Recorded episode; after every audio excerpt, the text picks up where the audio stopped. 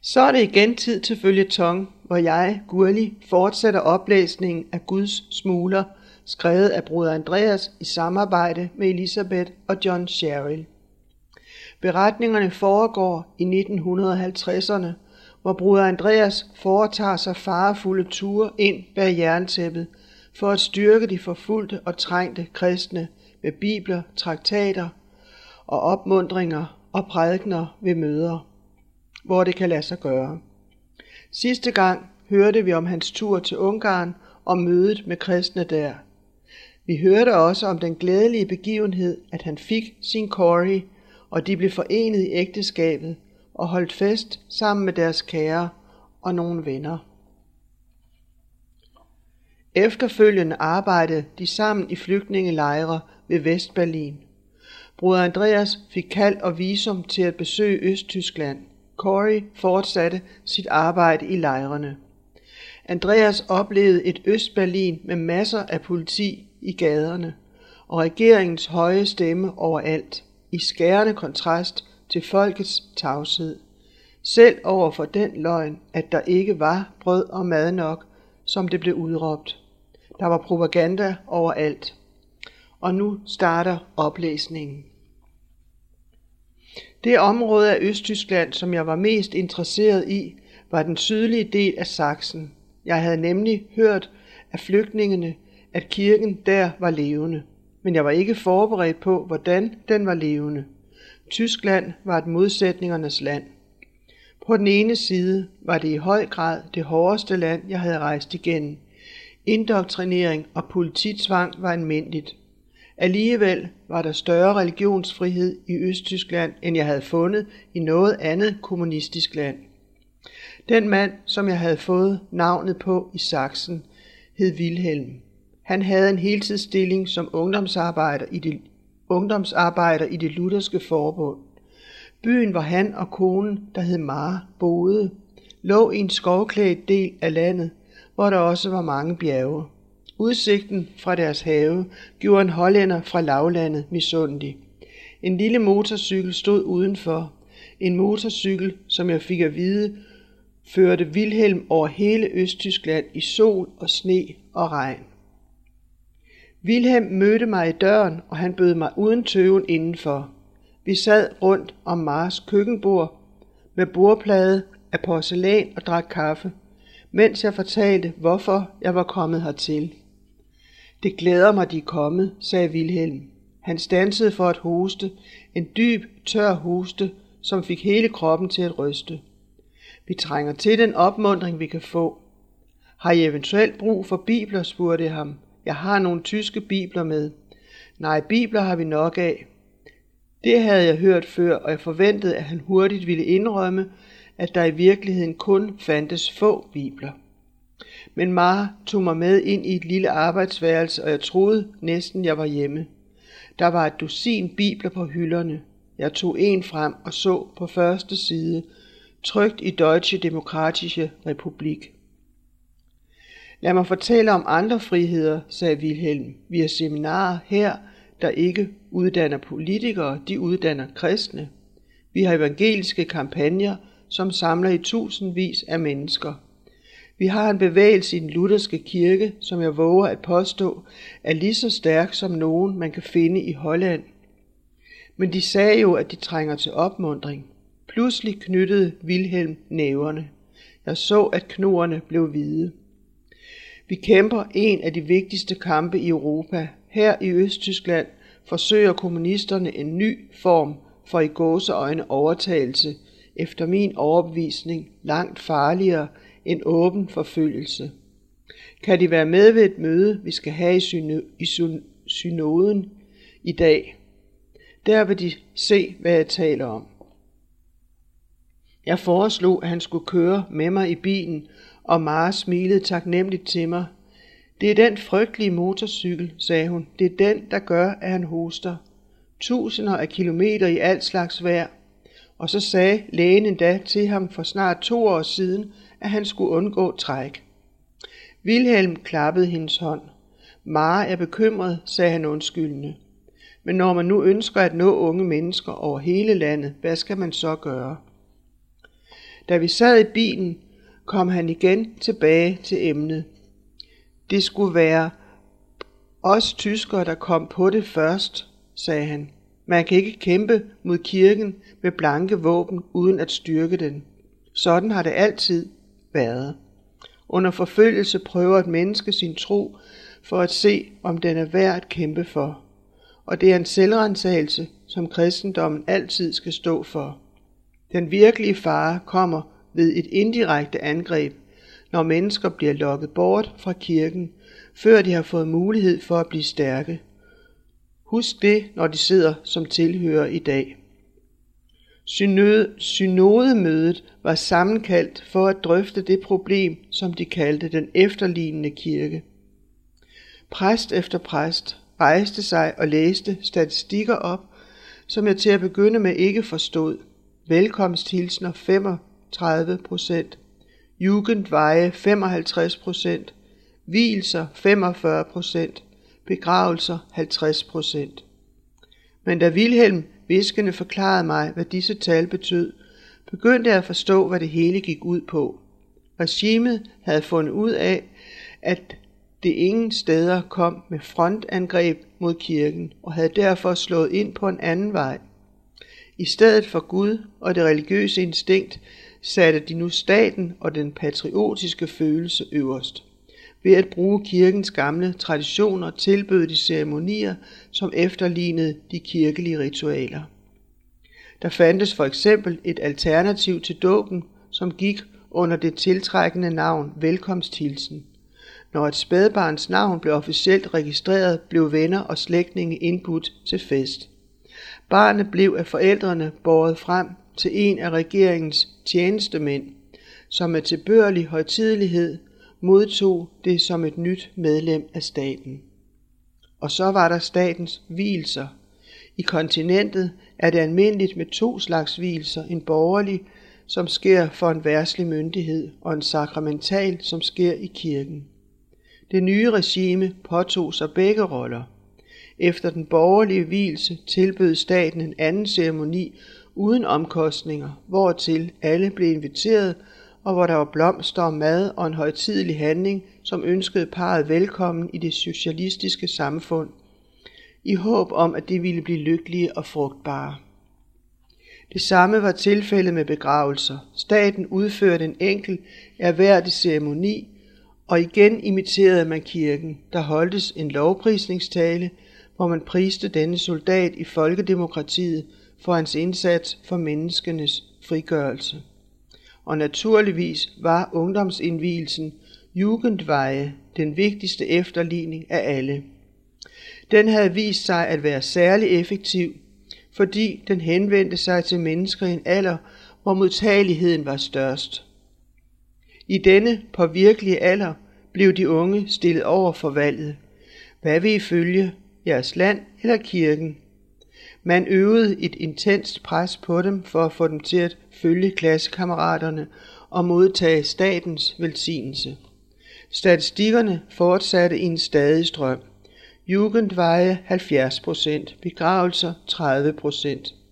Tallenes virkelige betydning gik først op for mig, da Wilhelm forklarede, at de repræsenterede menighedsmedlemmer, og at det var de procenter, der havde valgt statsceremonier i stedet for, ikke for uden de religiøse. Først indtog kirken en kompromilløs holdning over for statsceremonierne, sagde Wilhelm. Hvis et barn deltog i ungdomsindvielsen, kunne det ikke blive konfirmeret eller modtage nadvånd. Det satte naturligvis ungdommen i et frygteligt dilemma, og det var nøjagtigt denne spænding staten ønskede. Det første år, hvor regimet eksperimenterede med dette, gik antallet af konfirmander ned med 40 procent. Næste år var tallet 50 procent, og det er blevet værre efterhånden. Lidt efter lidt mildnede mange af de liturgiske protestantiske kirker modstand og sagde, at et barn et år efter at have deltaget i jugendveje kunne modtage kirkens sakramente. Men de romersk-katolske havde ikke givet efter, og af den grund blev de genstand for de mest brændende protestanters beundring. Det er en åben kamp om loyalitet, sagde Wilhelm, og kirkerne taber. Det er vanskeligt at sige nej, når klassekammeraterne siger ja. Kirkens forsvar mod dette listige angreb havde været at trække sig tilbage, fortalte han. I stedet for at drage i åben kamp, trak de sig længere og længere ind i sig selv og indtog en holdning med fromhed og isolation. Derfor er jeg så glad for, at de er kommet, sagde han. De kan hjælpe os til at mindes, at kirken er større end nogen nation eller politisk magt. Vi har glemt, at vi skal sejre, når vi har Gud på vores side. Han skulle snart ud at besøge ungdomsgrupperne rundt omkring, som han plejede hver 14. dag. Han inviterede mig med. Jeg vil være glad for at have deres selskab og med et smil, Mar vil sætte pris på din bil. Og sådan gik det til, at jeg i næsten to uger rejste sammen med ham gennem den sydlige del af Østtyskland. Jeg talte med forbavsende stor frihed i kirker, som havde rigeligt med bibler, litteratur nok, åbne evangeliske møder, men som var mere i opløsning end nogen anden kirke, jeg havde mødt bag jerntæppet. Faktisk holdt jeg i disse 12 dage den samme tale gang på gang i mange forskellige versioner. Jeg bad indtrængende de tyske kristne om at blive missionærer, for jeg havde gjort den erfaring, at en missionerende kirke er en levende kirke. I den første kirke, hvor jeg sagde dette, rejste præsten sig op og sagde oprørt. Bruder Andreas, det er så let for dem at tale om missionsarbejde, for de kan rejse hvorhen de vil. Men hvad med os her i Østtyskland? Vi kan ikke engang rejse ud af landet. Vent, sagde jeg. Tænk lidt over, hvad de netop sagde. Jeg må foretage en lang og kostbar rejse til Østeuropa, men I er her allerede. Hvor mange russiske, russiske soldater er der i landet nu? Må ikke en halv million? Tænk på det. Hvor mange uomvendte landsmænd findes der rundt omkring? Klag ikke over, at I ikke kan tage til missionsmarken. Tak Gud for, at missionsmarken er kommet til jer. Og så fortalte jeg dem den bibelske beretning om en mand, som gjorde netop det, jeg nu bad dem om at gøre. Jeg fortalte dem om Paulus, som var fange i Rom og var lænket mellem to soldater. Nu var der to muligheder, sagde jeg. Enten kunne han sidde der og klage over, at han ikke kunne komme ud, eller han kunne bruge den situation, han var i. Og Paulus begyndte at takke Gud, fordi han havde tilhører i fængslet. Så begyndte han at forkynde evangeliet. Lidt efter var der vagtskifte, og to nye soldater kom ind. Paulus takkede Gud for de to nye og begyndte forfra. Resultatet var, at disse mænd blev kristne. Han grundlagde en kirke der i Cæsars egen verden. Og jeg føler, at dette er de kristnes enestående mission bag jerntæppet. Og så kommer der et nyt afsnit, hvor der står til kanten af den indre cirkel. Så snart jeg var tilbage i Vestberlin, skyndte jeg mig fra lejr til lejr og søgte efter Corey. Da jeg endelig fandt hende, hun var i færd med at se efter lus i hovederne på nogle børn, blev jeg skræmt af den forandring, som var sket med hende på mindre end tre uger. Hun havde tabt sig, huden var mærkelig bleg, næsten gullig, og hun havde sorte rande under øjnene. Jeg bebrejdede mig selv, at jeg havde taget hende hertil, og frem for alt, at jeg havde ladet hende blive alene tilbage. Nu da jeg var i Berlin, ønskede jeg at forsøge at tage en dyrebar ladning bibler med til Jugoslavien, blandt andet til den kirke i Beograd, hvor der kun fandtes syv bibler i hele menigheden. Erfaringen har lært mig, at jeg burde søge visum på deres konsulat i Berlin, ikke i Haag. Mens jeg nu betragtede min unge kone, de markerede ansigt og de bekymrede øjne, blev jeg klar over, at en tur til Jugoslavien kunne få en dobbelt hensigt. Hvor kunne hun bedre glemme redslerne fra lejrene end i det smukke land, det smukkeste jeg havde set. Derfor tog jeg vores pas med til det jugoslaviske konsulat og brugte resten af dagen til at købe bibler. Corey kom igen, kom igen med et argument. Men der var så meget at gøre i flygtningelejren. I Jugoslavien kunne hun ikke udrette noget. De samme indvendinger som før. Men denne gang gik jeg af med sejren på grund af hendes egen helbredstilstand, og vi drog for første gang afsted sammen bag jerntæppet. Hvis det ikke havde været for Corys sygdom, der syntes at blive værre i stedet for bedre, ville denne første uge af turen have været fuldkommen.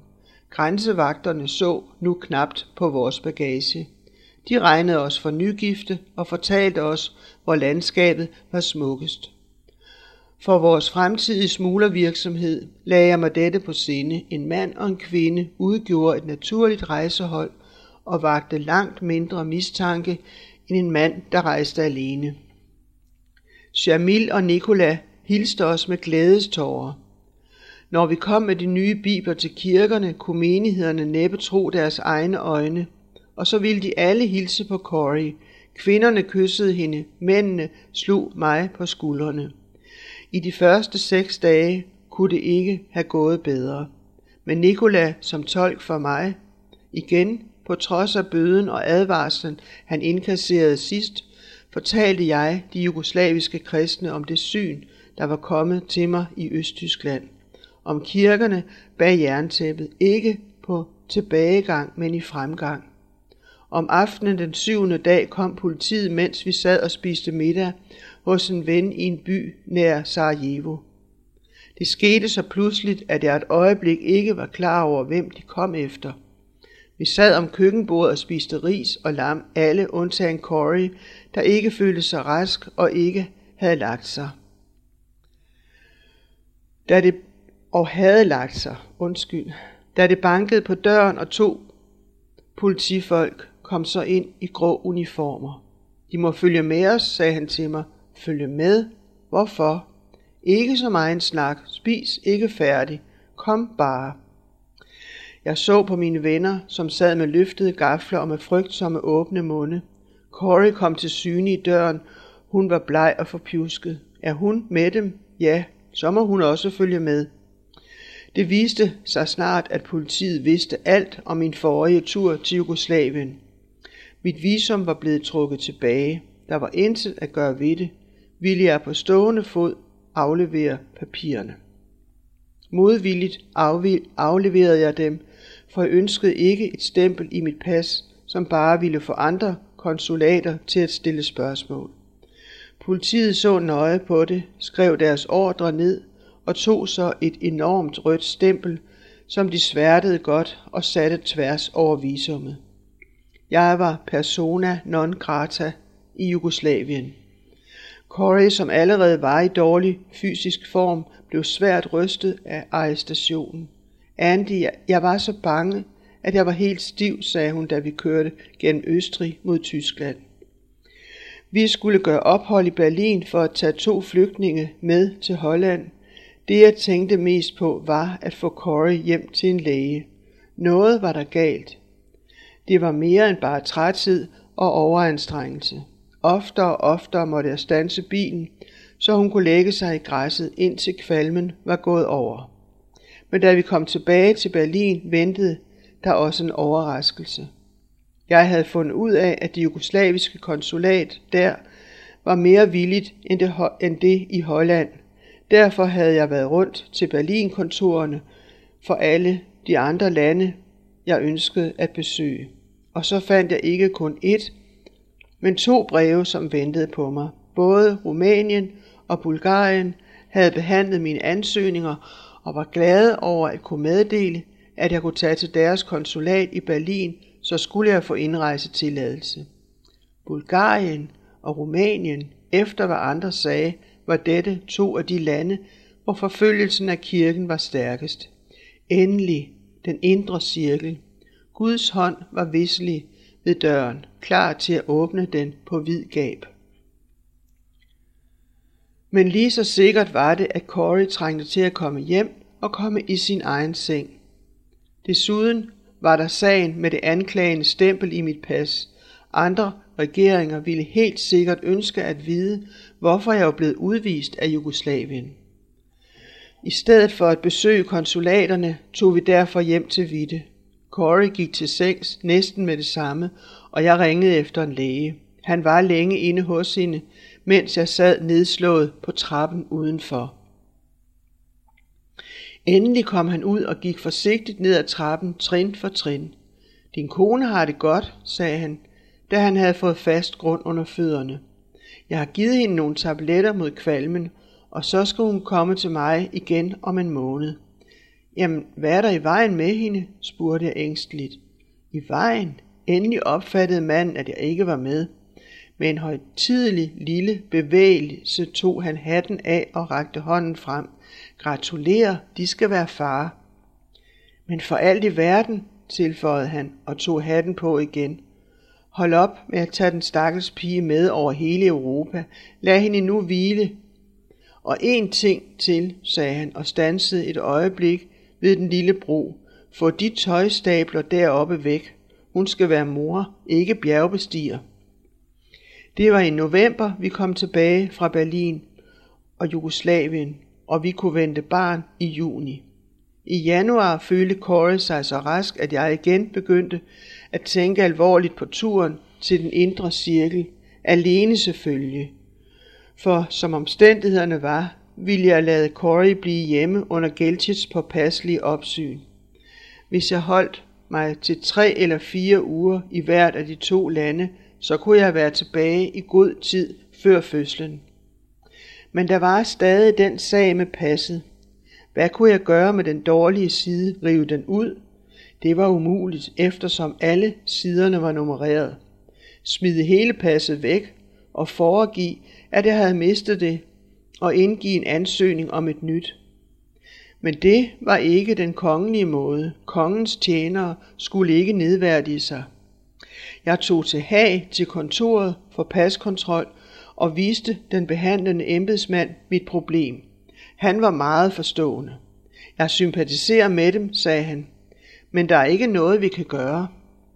Ser de, sagde jeg, jeg er missionær, jeg ønsker at tage til disse lande og kontakte de kristne der. Det overvejede han et øjeblik, så rystede han på hovedet. Vi kan altså ikke give dem tips om, hvordan de kan få et nyt pas hurtigt, som for eksempel ved at rejse mange gange til nært liggende lande og altid insistere på, at de stempler deres papirer, så deres pas hurtigere bliver fyldt. Vi må slet ikke give den gode råd om sådan noget. Forstår de ikke det? Desværre. I løbet af få uger havde jeg fået et nyt pas. Corey havde ikke lyst til at lade mig rejse. Hun var endnu ikke kommet sig over chokket efter arrestationen. Men da en forsendelse med bulgarske og rumænske bibler kom fra det britiske og udenlandske bibelselskab i London, hjalp hun mig med at stue dem ind i Bibelen. Ind i bilen. En aftale er en aftale, sagde hun, og når alt kommer til alt, skrev jeg jo under som missionærkone. Da afrejsedagen kom, var ingen af os særlig modige. Den smule plads, der endnu var i bilen, pakkede vi med tøj til flygtningelejren i Østrig, som jeg skulle besøge på vejen. Efter lægens ordre havde vi flyttet tøjbunkerne ud af vort værelse og ind i den lille gang i hovedbygningen, hvor de gjorde livet ubehageligt for alle. Bulgarien og Rumænien, sagde Corey lavt. Det er ikke Jugoslavien. Du kan ikke blive arresteret i disse lande. Og jeg får dig, så jeg aldrig får dig at se. Nej, jeg ved, du, du vil komme tilbage, Andreas. Du vil komme tilbage til mig og til dit barn. Selvfølgelig forsøgte jeg at berolige hende, men selv følte jeg mig langt fra glad. Jeg satte mig ind i den overfyldte bil og startede motoren. Du har vel taget pengene med dig, spurgte Corey. Jeg følte efter tegnebogen.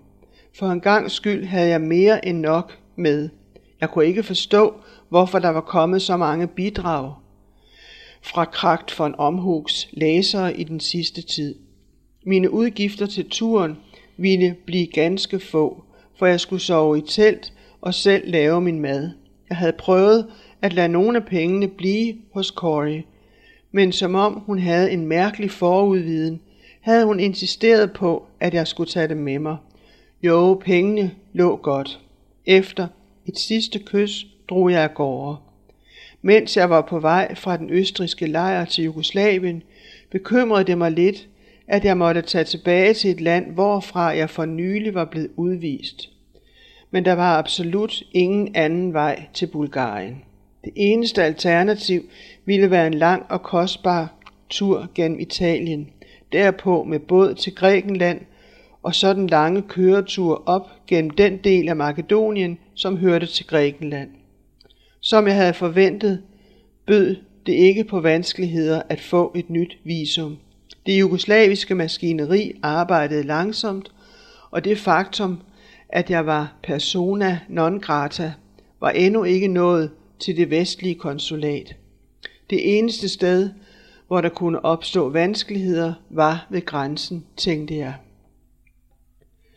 Med bankende hjerte kørte jeg hen til grænsebommen. Vagten kiggede bare på mit pas. Vi snakkede lidt om vejrforholdene, og 20 minutter efter var jeg over grænsen. Efter mine beregninger havde jeg nu en frist på fire dage i Jugoslavien, før oplysningen om min ankomst ved grænsen blev kontrolleret med listen over uønskede personer i Beograd.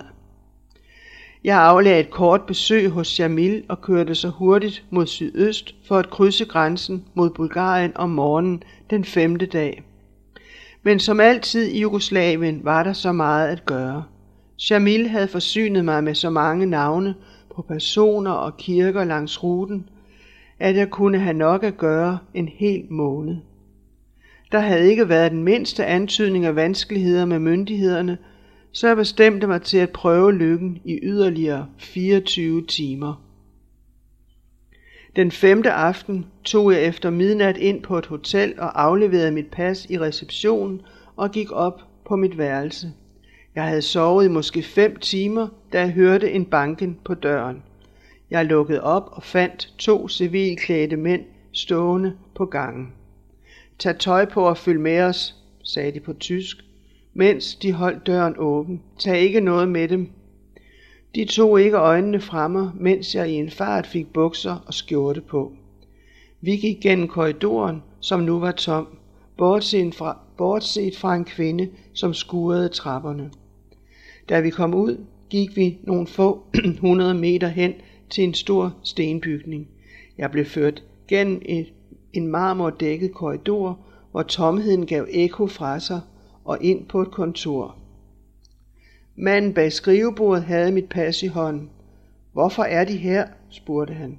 Hvorfor er de kommet tilbage til Jugoslavien? Han ventede ikke på svar, men fortsatte. Stemmen blev højere og højere efterhånden, som han talte. Hvordan fik de forandret deres pas? Er det sådan, man bærer sig ad i Holland for at hjælpe sammensvortne og lovovertrædere? Han trak en skuffe ud af skrivebordet, og jeg så med forfærdelse, at han havde taget det store stempel med den røde farve frem. Han trykkede det tre gange i mit jugoslaviske visum, før han var tilfreds. De må forlade landet inden 24 timer, sagde han. De må ikke kontakte nogen her i Jugoslavien. Vi telefonerer til grænsevagten i Trieste og giver besked om, når man kan vente dem. Trieste. Han ville da vel ikke insistere på det. Trieste lå i det nordvestlige hjørne af landet, netop der, hvor jeg var kommet fra, mens der herfra ikke var ret langt til den bulgarske grænse. Men jeg er på vej til Bulgarien, sagde jeg bedende. Kan jeg ikke forlade landet den vej? Det er meget kortere. Men han var urokkelig. Han havde sagt triste, og triste skulle det være, og det så hurtigt som muligt. Trist til mode satte jeg igen kursen nordpå tilbage til Triste og den lange omvej gennem Italien og Grækenland. En omvej på omtrent 2.000 kilometer, da jeg næsten havde målet i syne. En depression, som jeg aldrig før havde kendt til, kom over mig, mens jeg sneglede mig ned over den italienske støvle. Vejene var irriterende, en uendelig række af byer lå efter hinanden langs kysten, og der var lastbiler, cykler og hestekøretøjer, så jeg sjældent kunne køre mere end i andet gear. Det var, hvad vi nåede denne gang. På genhør næste uge.